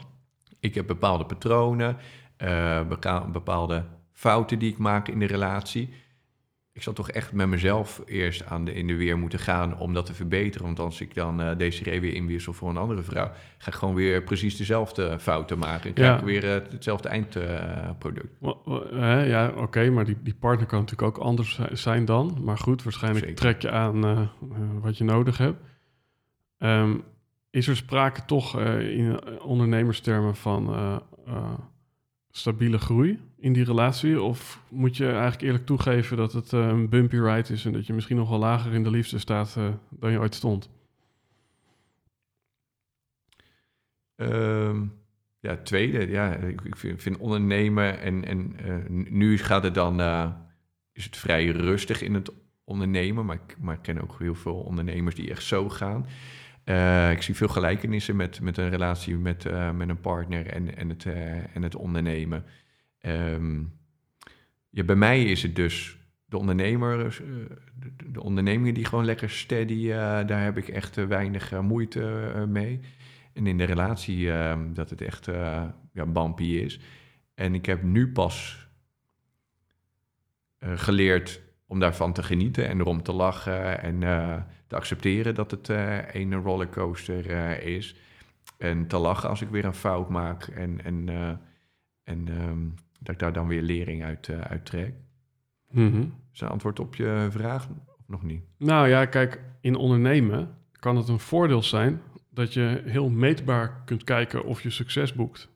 Hè? In een relatie, als het al te meten is, dan moet je misschien zelfs constateren dat het net zoals Bitcoin af en toe flink omlaag gaat. Je merkt nu dat ze alleen maar strenger wordt. Hè? Want, want ehm, we boeken nu succes, om maar zo te zeggen. En je merkt dat zij alleen maar nog strenger is eh, eh, geworden nu ik ehm, me van mijn betere kant laat, laat zien. Dus ik word ze zitten nu nog korter op de bal, om maar zo te zeggen. Ja. Ik word nog, nog eerder gecorrigeerd. Eh, ze is veel eisender eh, ge- ge- geworden. En vooral ook omdat ik met dit soort podcasts... en dan vertel ik weer eh, hoe ik mijn best doe. En dit, dit krijg ik Ja, ook ja, gewoon... Bij een ruzie krijg ik dit kaart altijd. En dan zeg oh, je, ben je weer zo mooi aan het voordoen op zo'n zo'n podcastje. En, en moet je nu eens zien wat je de hele dag hebt gedaan, weet je wel. Dan krijg ik hem weer van voren. En daar kan ik dan ook weer van, van genieten. Ik kan er nu wel om, om, om lachen. Ehm, maar zelf, ja, omdat ze zelf nu ook eh, met, met, eh, met ja, de persoonlijke ontwikkeling eh, bezig is... merk je dat ze er ehm, heel erg op, op let. Ehm, ja, Als ik even een hele andere afslag neem, hè, dan hebben we het even over de liefde gehad. Dan heb je weer genoeg waarschijnlijk voedsel om over te ruzie in de relatie. Ehm, een van mijn kernwaarden, dat is minder is altijd meer. Als ik dan kijk naar jouw profiel, drie bedrijven, ehm, enorme omzetten, drie kinderen, twaalf pandjes en dan 25 dieren. 25 dieren. En dan zijn er waarschijnlijk nog wat meer dingen kwantitatief in jouw bestaan. Ehm, in hoeverre ehm, onderschrijf je ja, mijn kernwaarde en minder is altijd meer? Of, of ben je echt een maximalist? Ja, als je kijkt naar bijvoorbeeld de drie bedrijven, wat doen ze allemaal? Dan- doen ze gewoon alle drie één ding. En heb ik ze heel makkelijk met elkaar kunnen, kunnen verbinden. Ehm, wat je veel ziet bij ondernemers is, eh, nou, ik, ik, eh, ik heb een propositie voor dit, ik heb een doelgroep eh, dit, maar ja, ik wil eigenlijk ook wel iedereen helpen. Heb ik wel ja, een, een, een goede focus. Ehm, waardoor Tibor mij ook liet gaan met, want hij zegt tegen iedereen, je doet gewoon één ding. Ja, klopt. Maar hij merkte gewoon dat dat ene ding bij mij goed werkte. Ehm, de grote was er naar dat hij zei: Oké, jij bent nu wel in de positie om er wat naast te, te, te, te doen, om maar zo te zeggen. Ja, Eh, dus dus ja, alle, alle stapjes had ik doorlopen, eh, waardoor ik eh, ehm, ja, gecontroleerd een tweede ding eh, ernaast kon, eh, kon opzetten. Waardoor het eerste niet in elkaar flikkerde. Ja. Ja, dus eigenlijk de les is, eh, je mag wel meerdere dingen doen, maar onderhoud ze wel als, net zoals je kinderen, eh, ieder voor zich. Ieder, ieder krijgt 10 minuten. en en niet Ja. alle drie tegelijk een half uur. ja, ja, ja, ja, daar kun je het wel eh, ja, mee vergelijken. En, en ehm, wat, wat sommige mensen dan wel eens zeggen van... ehm, een goed voorbeeld vind ik sporten bijvoorbeeld. Dat, ehm, dat je vraagt van, joh, sport jij? Ja, maar daar heb ik helemaal geen tijd voor. Ik heb heel erg goed gekeken naar wat zijn alle excuses van mensen... van mensen die ik in de loop der jaren heb gehoord en van mijzelf. En toen ja, ik was er zo klaar mee dat ik mijn hele leven om, om heb gegooid. En eh, wat ik vaak hoor is, ik heb hier geen tijd voor en daar geen tijd voor. En daar heb ik me echt op gefocust van, hoe kan ik zorgen dat ik zoveel mogelijk tijd overhoud per week. Ehm, en, en de dingen kan doen die, eh, ehm, die voor mij heel erg belangrijk eh, zijn. Eh, daar, daar wilde ik mee stoppen. Ik heb geen tijd voor dit en geen tijd voor dat. Ik heb nu echt fucking veel tijd. Mhm. Ehm, ja, en als je daar dan nuttige dingen mee kan, kan doen in plaats van in je red race blijven ronddraaien, dan, en dan kan je gave dingen neerzetten. Waar zit voor jou nog een stukje zingeving? Want net voordat we het op opnemen drukten, toen zei je ook van, eh, nou ja, je bent nu 36, 37? 37, ja. Ja. Eh, nou ja, je springt ook uit vliegtuigen en zo. En als je dan af en toe eh, misspringt, dan heb jij zoiets van, nou, op dit moment kan ik wel zeggen, ik heb overal een groen vinkje staan. Je hebt toch Dat weet ik niet hoor. Als je het morgen vraagt aan mijn vrouw, dan is het weer een ander vinkje dan, eh, dan gisteren. eh. of, of, of geen vinkje, laat ik het zo zeggen. Ja. di- think different, als je het aan je vrouw vraagt. en ehm, ja, iemand die dat kan zeggen, ook al is niet alles groen, maar toch, ik heb een leven waar ik dankbaar voor ben. En ja, het is natuurlijk lullig voor je kinderen als je verkeerd valt uit het vliegtuig, maar en voor je vrouw uiteraard. Maar, maar, maar daar houdt het wel een beetje op, want je hebt gewoon echt eh, ja, eh, buitengewoon veel gemanifesteerd in de afgelopen jaren. Doordat het gewoon zo'n grote teringzooi was en de pijn zo groot was. Ja. Dat ook, hè? maar dan kan je ook onder een brug eindigen met, Ja. een, met een biertje te veel. Ehm, Zeker. wat, wat is jouw, jouw zingeving nog? En dat is misschien een beetje een prangende vraag, maar dat, dat kan natuurlijk ook ja, ertoe resulteren dat je denkt: ik blijf vana- va- vanochtend liggen, of ik eh, ga vanavond eh, laat, laat naar bed met een zak chips en eh, mission accomplished. Ja. Ja, groei. eh, wat, wat ieder mens heeft. Want, want nu ben ik bijvoorbeeld bezig met... ja, ik wilde vroeger piloot worden. Ik ben Ja. nu bezig om piloot te worden. Ben ik al piloot? Nee. Ehm, ja, en, en nou, dat is dan weer het, eh, het mooie of het stomme eh, wat ik heb. Ik ben nu al bezig eh, om te informeren naar ehm, eh, het traject van ehm, helikopterpiloot worden. Wat is, het, wat is even het verschil voor de luisteraar? ja, nu ben ik bezig met uh, fixed wing, dus, dus met vliegtuigen met, de met de vleugels eraan. Ehm, ja, dan, dan, dan mag ik dat, maar ik vind het toch ook wel gaaf om, om, om allebei eh, te, te kunnen. En dan, Mhm. eh, dan kan het weer, eh, want nu mag ik met vier persoons. Nou, ik vind het toch ook wel heel gaaf om met een groep naar Ibiza te kunnen vliegen, zelf. Ehm, ja, dus daar groei. En ja, ik vind het wel gaaf om mensen te, te leren van... joh, je hoeft niet te rennen Je kan ook voor vliegen. een baas. ja. Of, of loonslaaf van jezelf. Ja, en- ja, daar wil ik aan, aan, aan eh, bijdragen in. Dus Ja. mensen hebben hobby's en hebben passies... en hebben daar vaak geen tijd voor. En dat is gewoon zonde van het leven. Ja, wat, wat, waar staat dat vliegen voor jou voor? En waarom wil je dat al zo lang? Ja, vrijheid. Ja, want uiteindelijk wil iedere ondernemer natuurlijk vrijheid en daarom beginnen ze, maar al snel zitten ze in een soort gevangenis. Ja. Vrijheid, eh, kan je er iets meer woorden aan geven? Als je letterlijk in dat vliegtuig zit, eh, wat ervaar je dan? Welke spiegels eh, ja, krijg je van, van dat leren vliegen? Ja, ik heb nog, nog nooit het gevoel, en dat ga ik over een paar weken ga ik dat ervaren als ik eh, solo mag vliegen. Want dan heb ik mijn brevet nog niet, maar dan laten ze me wel al alleen vliegen. Ehm, ik denk dat je dan het beste een antwoord kan geven op, op die vraag, want dan ga ik hem dus echt, echt voelen. Als ik hem nu inbeeld, dan is het... ehm, ja, wat ik sterk in mij heb is ik wil mijn leven zelf kunnen bepalen onder mijn voorwaarden hoe, hoe ik leef. Nou, daardoor schuurt het ook zo vaak eh, Mhm. in, de, in de relatie met mijn vrouw. Eh, en als ik daar aan het stuur zelf zit, kan ik zelf bepalen eh, waar ik naartoe vlieg, waar, wanneer ik land, whatever. Ehm, zonder dat iemand daar iets over te zeggen heeft. Ja, so- sommigen wel natuurlijk. je, je zegt twee dingen hè, die, die op, op, eh, op het oor gewoon heel normaal klinken. Namelijk, ieder mens wil groeien en, en, en logisch dat ik vrijheid wil. Maar ik denk dat beide begrippen nog zo logisch niet eens hoeven te zijn. Ehm, eh, ik heb genoeg familieleden die het wel best vinden zo. Die hoeven helemaal niet te groeien.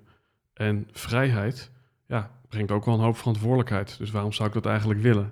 Dus wat in jou, en misschien komt er iets op uit je jeugd of wat dan ook, eh, ja, maakt eigenlijk, en ik noem het even in Edwin Selei termen, waar ik ook aan zijn boek mocht bijdragen, het boek Breek je vrij.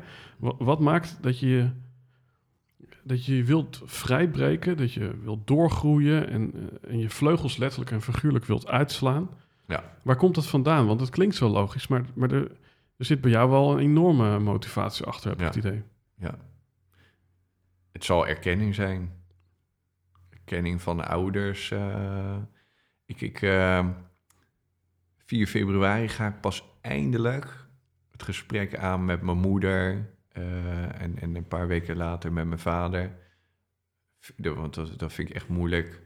Ehm, gewoon, die- gewoon die diepgaande gesprekken met je ouders. Ik merk ook wel dat mijn ouders dat super moeilijk vinden, vooral mijn moeder. Ehm, ja, hoe, Denk je dat je je ambitie ook verliest als je ouders je allebei een knuffel geven en zeggen je bent helemaal goed zoals je bent? nee, nee, nee, Nee? nee, dat niet. Nee? Want, want, want, je, want je geeft dit wel als motief. Ja. Die erkenning. Ja. Dus, dus als je die Ja, maar 100%, dat, ja. maar dat is dan toch ook wel weer geleerd van andere podcasten, gehoord van Tibor, gehoord van therapeuten en zo. Eh, dus dus ehm, ja, het, is, het is ook op je ingepraat. Ehm, of ik hem al zo voel, ik weet het niet. Ik, ik, ga, ik ga nu, eh, ben eindelijk klaar om die diepgaande gesprekken met mijn ouders eh, te, te hebben. Vind je dat ook spannend? Is dat ook een Ja, vorm van zeker. masochisme? Nee, geen, nee, nee, nee, Nee. nee, want ik heb het juist al die jaren in persoonlijke ontwikkeling heb ik het nog steeds, ehm, eh, ben ik dat uit de weg gegaan. Ik denk dat dat wel een hele interessante is om inderdaad te kijken van... als je de excentrieke motivatie los weet te trekken van de intrinsieke... dus de excentrieke is eh, waardering van papi of dat jongetje wat je pest op het schoolplein... en de intrinsieke is wat er overblijft op het moment dat je vader jou een huk geeft en zegt... het is helemaal goed. Ja. Kijk eh, ja, of je dan eh, nog steeds zo graag hoog over wil vliegen... Ja. Nog even een laatste praktische noot, hè, en dan gaan we deze aflevering afronden. Kijk, waarin, ja, nogmaals, jij mij ook inspireert naast je optimisme en je energie, is het stukje delegeren en automatiseren, waarin de meeste mensen toch vanuit perfectionisme het allemaal zelf doen, of vanuit een artiestenschap, eh, wat ik zelf ook nog wel behoorlijk in heb zitten. Ja, dan kan je eh, misschien eh, denken van nou, ik laat mijn geld voor mij werken door een vastgoedpandje te nemen, hoe je daar dan ook komt. Het begint al met die mindset. Toen had ik mijn vriendin net aan de lijn en die zegt ja, ik zou ook wel eh, twee dingen van eh Thierry willen weten. Dus voor het Mhm. eerst dat, dat zij op die manier wordt eh, ingebracht. Maar één is, voel je je nu anders nadat je die twaalf panden hebt gerealiseerd? Of, of, of maakt het eigenlijk niet zoveel uit behalve een leuke anekdote?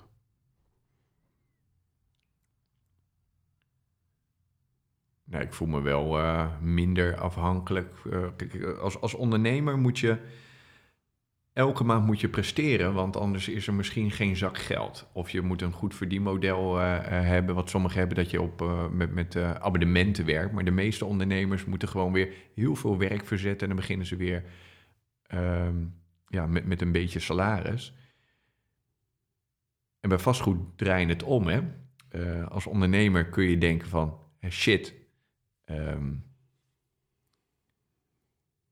de, de maand is voorbij en ik heb maar zo weinig omzet gedraaid deze maand. Nou moet ik weer helemaal bij nul beginnen om al mijn rekeningen te kunnen betalen. En bij het verhuren van panden draai je het eigenlijk om. Yes, er komt weer een nieuwe ehm, maand aan.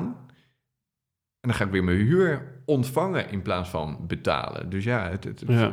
wordt gewoon omgedraaid. En ja, da- daardoor eh, zorgt het ervoor dat je dus elke maand cashflow binnenkrijgt. Ja, en daardoor kun je die dure hobby die je hebt, eh, kun je... Ik moet denken je aan Loesje, die zegt eh, aan het eind van mijn eh, geld hou ik altijd nog een stuk maand over. Ja. Ja, ja, Ja. ja. en, en dat moet je omdraaien. ja, En blij zijn dat, yes, ik krijg weer huur binnen in plaats van betalen.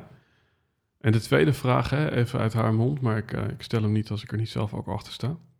Dat is, oké, er is dus een manier om ja, eh, geld voor je te laten werken, maar dit is meteen ook qua mindset, maar ook qua risico, verantwoordelijkheid, eh, ook qua bedrag is dat wel een enorm ding. Ehm, wat zou je de luisteraar willen meegeven als het gaat om geld voor je te laten werken? Of ehm, ja, simpel gezegd, niet voor je bedrijf te werken, maar je bedrijf voor jou te laten werken.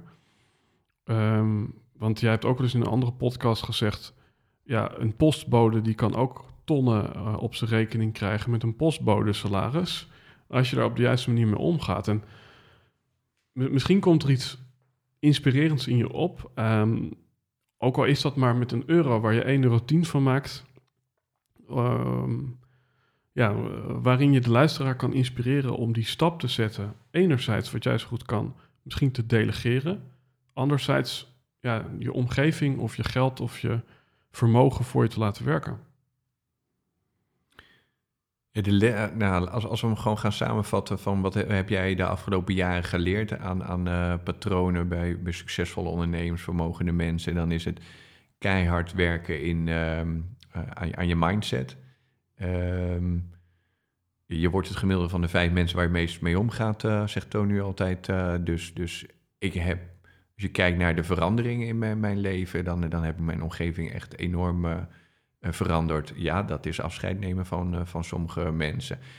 ik ga veel om met succesvolle ondernemers, vermogende mensen. daar heb ik heel veel van, van geleerd. Um, dat zijn, even kijken, twee belangrijke dingen die ik heb geleerd. Samenwerken. Niet alleen willen doen, maar, maar ja, je geluk, je verdiensten uh, kunnen delen met, uh, met anderen. Dat heeft me heel erg ver gebracht. En de, de, kracht van wederkerigheid, die, die, die snap ik heel erg goed. Als je dus gaat netwerken of weet ik veel wat. Kijk hoe waardevol je kan zijn voor, voor een ander. Um, uh, wat je kan inzetten, weet je. Uh, ja, want dat, de meeste mensen die kijken... Uh, wat kan ik halen? Wat, wat ja, wat kan, ik, wat kan ik daar verdienen ja. bijvoorbeeld bij een sollicitatie? Ja. Ook van een, mooi voorbeeld vond ik laatst. Op LinkedIn werd ik benaderd door iemand die zat een podcast van me te luisteren... en die hoorde dat ik bezig was met mijn vliegbevet. En die stuurde... Ik ben gezagsvoerder bij de KLM, ik vlieg op cityhoppers... en ehm, je mag wel eens een keertje bij mij in een cockpit leer ik jou van alles. Ik zou graag willen leren hoe jij dat hebt gedaan in het vastgoed. Ja, super slim. Hij pakte mij gelijk op mijn passie. Ja, mooi. Ja, en dan, dan ben je gewoon een koning in, in netwerken als je, als je ja. weet wat je kan geven. Ja. Dat is nog wel even een kleine nuance. The meaning we grow is we have to give something van Tony Robbins. Of nee, the reason we grow is we have to give something, zei hij. Maar dan zegt onze beste vriend Tibor... nee, het leven gaat niet om geven, maar om ontvangen. Ben je het daarmee eens? Ja, volgens mij wat, wat hij zegt is... Uh, um, de kunst van het ontvangen. Volgens mij zegt hij van... Ja, um, uh, het gaat inderdaad in het leven om, geven... Maar wat ik heel veel zie bij uh, mijn klanten, ondernemers, is dat zij niet goed kunnen ontvangen. En uh, hij is van mening, volgens mij, je moet goed kunnen geven en je moet goed kunnen ontvangen. En dat merkte ik bij mij ook. ik ik kan, nou volgens mij nog steeds um, beter geven dan ontvangen. En, en dat moet je wel leren als je dus uh, uh, ja, een goede ondernemer wordt. Je wil ook geld verdienen. Um, je wil ook samenwerking aan. Uh, nou, dat merkte ik, uh, dat vond ik wel een mooie. Laatst zei Tibor, want ik sport ook met hem. Toen zei hij, Thierry, goed gewerkt gast. Weet je wat ik zei? Thanks, jij ook. Ja. In plaats van... Dankjewel. Dankjewel. Ja, en ja. Dat, dat, dat, dat voorbeeld noemt hij heel erg vaak. en het ironische was dat hij dat dus tegen mij zei. Uh, en dat ik hem dan toch weer uh, anders uh, ontvang. En dat vind ik heel erg leuk. Mm. Het feit dat ik daar al bewust mee bezig ben, ja, vind ik al groei. Ja. Eén dilemma waar ik zelf nog mee zit, hè, dat is even een hele gekke... als je het hebt over je bent, je omgeving... Dus omring je met vijf mensen die of succesvoller of gezonder of liefdevoller of wat dan ook zijn en dan word jij het ook. Alleen, het is voor hun wel lekker kut. Want dan kom jij erbij, maar jij staat eigenlijk op dat moment, ja, uh, je snapt wat ik bedoel, toch? Ja, zeker. Dus ja. Als, als zij dat ook doen, dan kan je elkaar nooit ontmoeten. Ja, ja. Ja, dat, dat, dat had ik dus uh, toen ik bij Tony Robbins uh, was, was er een uh, bekende Nederlander. Um, die, die ik heel hoog um, had zitten. En daar keek tegenop. En toen dacht ik van, nou, als ik nu naar hem toe loop, dan ja, zal hij me wel een loser vinden of weet ik veel wat. Maar ja, ik dacht van nee, ik heb, ik heb al best wel veel uh, geleerd op sommige vlakken. Dus, dus dus um, daar begin ik gewoon over. Iedereen heeft gewoon iets waardevols. Ja, en dat bleek dus, want ik, ik had het boek The Five Love Languages had ik, gelezen. En daar, daar, daar begon ik over. Daar had hij nog nooit van gehoord. En ik ging dat zo allemaal uitleggen. Um, ja, dan ging hij helemaal op aan. En dan ben je toch wel weer waardevol voor, voor zo iemand. Ja, en ik denk, de, als, ik, als ik dan voor mezelf, en ik probeer die puzzel ook te leggen... Um, ja, je hebt dus altijd alle, allemaal wat mee te brengen naar het feestje. Maar waar het volgens mij om gaat in dat voorbeeld van die vijf, is dat het mensen zijn die in ieder geval een commitment op groei hebben op een stuk in hun leven. En dan kan jij uh, die ander misschien leren te ondernemen. En dan kan jij van die persoon weer uh, leren om, om leider te worden in de liefde, in plaats van loser in de liefde. Um, dus ja, dat is even iets wat ik er misschien uh, zelf uit wil halen. Um, er, er, valt in het kader van ontvangen heel veel te ontvangen, denk ik, voor de luisteraar deze podcast. Ik denk dat we een portret hebben gemaakt uh, van jou als persoon. Ehm, er is gelachen, maar het begon met een traan. Ehm, dus ik wil je hartelijk danken om ook, ja, niet alleen natuurlijk dat de telegraafkop van vier maanden, twaalf huizen, maar gewoon om ook inderdaad te zien van wat jou motiveert, wat jou in beweging brengt. Want leven is bewegen. En je hebt mij ook weer bewogen met deze aflevering. Dus daar wil ik je hartelijk voor danken. Ja, heel gedaan. Graag gedaan voor degenen die meer willen weten over dat vastgoed. Uh, ik ben twee keer uh, op televisie geweest bij BNN uh, Vara. En daar ging ik wat meer vertellen over die reis van die twaalf panden. Maar als je googelt, vind je nog veel meer op mijn naam. Ja, ja dus um, is er dan één weblink of social media waar je de luisteraar naartoe wilt verwijzen? Ja, ik denk dat je het meeste, want daar staat gewoon heel veel uh, waarde, is um, uh, www.thuis met een z, middenstreepje hypotheken.nl. Ja, en, en, je daar uh, inschrijven op de, de, ehm, de mailinglijst. ja, wij zijn van het geven, geven, geven, dus daar ga je heel veel aan Geef je ook huizen weg? nee. Oké. Sorry. Is er nog één ding, hè? misschien is er nog iets wat je van het hart moet. Ik vraag wel eens aan het eind van, uh, als je langs de snelweg in de file staat en je hebt een heel, heel groot billboard waar je één mededeling of inzicht of iets mag bijbrengen, misschien wel aan de nieuwe lichting even quote-unquote. Is er iets wat je de luisteraar nog zou willen meegeven ter afsluiting van deze aflevering? Ja, wat ik heel erg voel is uh, leef uh, op, je, op je eigen voorwaarden en, en je hebt er echt fucking veel invloed op. Um, en, en als je voor jezelf gewoon um, gaat bepalen van zo, ja, hier wil ik naartoe. Ga dan zoeken naar de mensen die al ja, daar, daar grote stappen in hebben gemaakt. En ga je, al luister je gewoon bijna dagelijks naar die persoon in podcast. Daar ga je zoveel aan hebben. Daar ga je gewoon door veranderen. En zorg op de punten waar je issues in hebt, verbeterpunten, zorg dat je daar um, ja, coaches op inschakelt. Ik, ik heb echt heel veel gehad aan, aan, aan mijn coaches en, en mentors. Um, daar ben ik door gegroeid. Ja. Tof man, inspirerend. Uh, dus voor de luisteraar, als je over deze aflevering wilt meepraten, hashtag Helden en Hordes op Twitter, op Instagram, op Facebook. laat een mooie comment achter op de YouTube. Dat kanaal wordt steeds mooier. Er komen ook nieuwe geluidsdempers voor de mensen die denken dat dit in een kerk wordt opgenomen. Um, en dan uh, uiteraard niet vergeten te abonneren op het YouTube-kanaal. Vergeet Thierry niet te volgen. In de show notes vind je alles wat er in deze aflevering is besproken. En dat was dit aflevering 101. Ik dank je hartelijk. En dan sluiten we hem af.